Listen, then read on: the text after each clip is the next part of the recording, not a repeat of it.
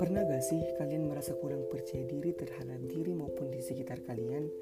Misalnya, kamu tuh merasa kurang cantik atau ganteng, kurang putih, kurang tinggi, kurang mancung, ataupun hal-hal yang berbau fisik. Atau mungkin nih, kamu juga merasa insecure dengan achievement yang sekitar kalian tuh telah mereka capai. Mulai dari jenjang sekolah sampai ke pekerjaan. Hai, it's me Idul and welcome to my Verse Podcast. Jadi di podcast pertama kali ini saya akan membahas seputar self-love. Do you know about self-love? Have you ever hear about that? So, langsung saja, mari kita membahasnya. Seperti yang teman-teman dengar, self-love terdiri dari dua kata, yaitu self and love. Pasti kalian sudah tahu kan arti dari kedua kata ini? Self artinya diri, sedangkan love artinya cinta.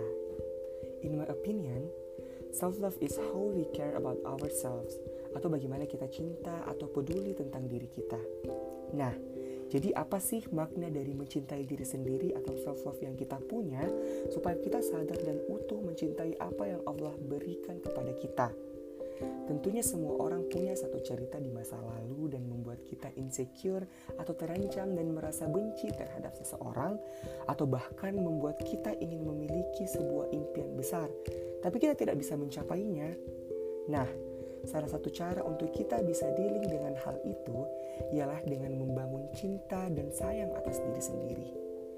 Self tumbuh dari kita kecil sampai saat ini dan harus kita punya supaya kita bisa mencintai orang lain. Contohnya, kalau kita punya pasangan yang mencintai kita, tapi kita tidak mencintai diri sendiri, maka semua pujian dia akan terasa seperti tidak jadi ada. Artinya, kalau misalkan tipe kal pasangan yang suka memuji fisik nih ya, eh kamu cantik banget, eh kamu putih banget, tapi kita tuh tidak pernah merasa cantik, maka itu membuat kita merasa belum cukup dan tidak nyaman.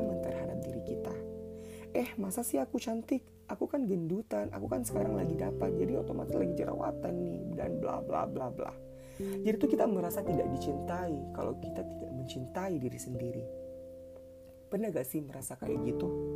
Atau sebaliknya nih, kita tuh merasa berusaha mencintai pasangan kita, tapi kita belum tahu kenapa sih sebenarnya kita mencintai dia. Karena kita belum masuk secara utuh siapa diri kita. Jadi ketika pasangan kita pergi atau pasangan kita menuntut sesuatu yang memang itu di luar dari identitas siapa diri kita, kita akan memberikan kebahagiaan kepada pasangan tanpa melihat lagi siapa kita. Jadi, kalau sesuatu itu pergi dalam hidup kita, kita kayak kehilangan arah. Nah, teman-teman, itu bukan hal yang mudah kalau terkait dengan pasangan hidup ya.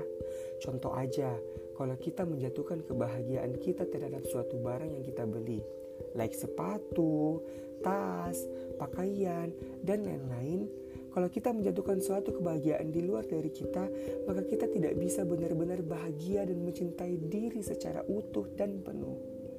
Untuk itu, saya akan mengajak teman-teman untuk membahas secara tuntas betapa pentingnya self-love dalam hidup kita selama ini banyak banget yang kayak merasa eh idul kalau kita mencintai diri sendiri itu artinya kan kita menaruh kepentingan kita di atas orang lain dong.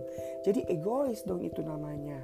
Nah statement seperti ini yang akan saya luruskan sedikit ya teman-teman.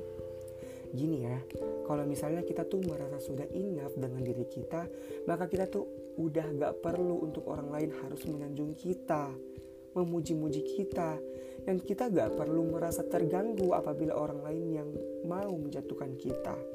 Artinya, kalau kita sudah bisa melakukan rasa menghargai diri kita, itu dengan jelas memuji orang lain tanpa berharap dia tuh harus memuji balik kita. Dan kita akan merasa tulus menjaga ucapan kita, tidak melukai orang lain karena kita udah merasa penuh terhadap diri kita kita nggak mau diri kita juga dilukai gitu ya. Dan kita merasa udah cukup. Jadi kita nggak pentang nggak pantang untuk dilukai. Jadi kita nggak bakal melukai orang lain. Itu artinya kita melihat kok ada ya orang yang jarang memuji orang lain? Kok ada ya orang yang beri komentar negatif? Coba lihat dalam hidupnya Jangan-jangan dia tuh belum mencintai atau menghargai dia sendiri sehingga menurut dia yang terefleksi cara berinteraksi dengan orang lain adalah cara interaksi orang lain yang ia dapatkan dalam hidupnya. So, percaya deh teman-teman, kalau kita udah mencintai diri secara utuh dan penuh, menghargai kelebihan dan kekurangan dalam hidup kita, dan merasa enough tanpa perlu pengakuan dari orang lain, kita pun akan tulus begitu memberikan pengakuan dan penerimaan kepada orang lain. Artinya bukan egois, melainkan kita fulfill dulu baru kita mengisi kebahagiaan orang lain. Cobain deh, kamu tulus dalam langkah pertama apa yang jadi strength kamu. Kelebihan yang kamu punya yang menjadi keunikan kamu gitu. Yang orang lain tuh gak miliki, yang orang lain tuh gak punya dan apa kebahagiaan yang pernah kamu dapati lalu kemudian kamu sudah memenuhi itu, maka ketika berinteraksi dengan orang lain, kamu tidak mengharapkan itu. Jadi, kamu memuji semuanya secara tulis, teman-teman. Dan relationship itu betul-betul terjadi karena sebuah perasaan yang tidak dipaksakan. Karena kita sudah penuh dan secara utuh mencintai diri kita. Nah, selanjutnya, bagaimana awal kita untuk mencintai diri sendiri? Cobain teman-teman, Pasti yang membuat hari ini kita gak merasa cukup adalah tentang kehidupan yang kita punya. Kita merasa secara fisik kita gak menarik seperti dia, kita gak secara kehidupan tidak seperti dia, bahagia tidak seperti dia. Ini yang mereka dalam ini yang terjadi dalam media sosial sekarang ini. Tapi coba kembali lagi, apabila kita meningkatkan spiritualitas, terkoneksi antara diri kita dan Sang Pencipta, maka apa yang terjadi? Kita jadi merasa enough.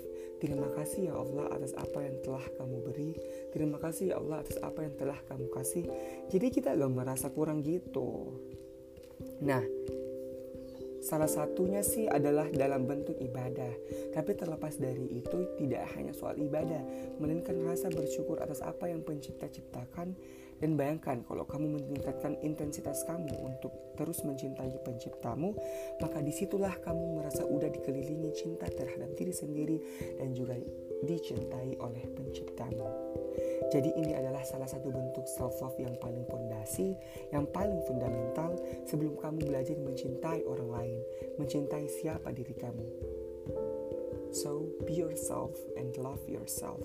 Nah, Sekian dulu teman-teman, saya harap kalian bisa belajar dan rise up terhadap diri kalian.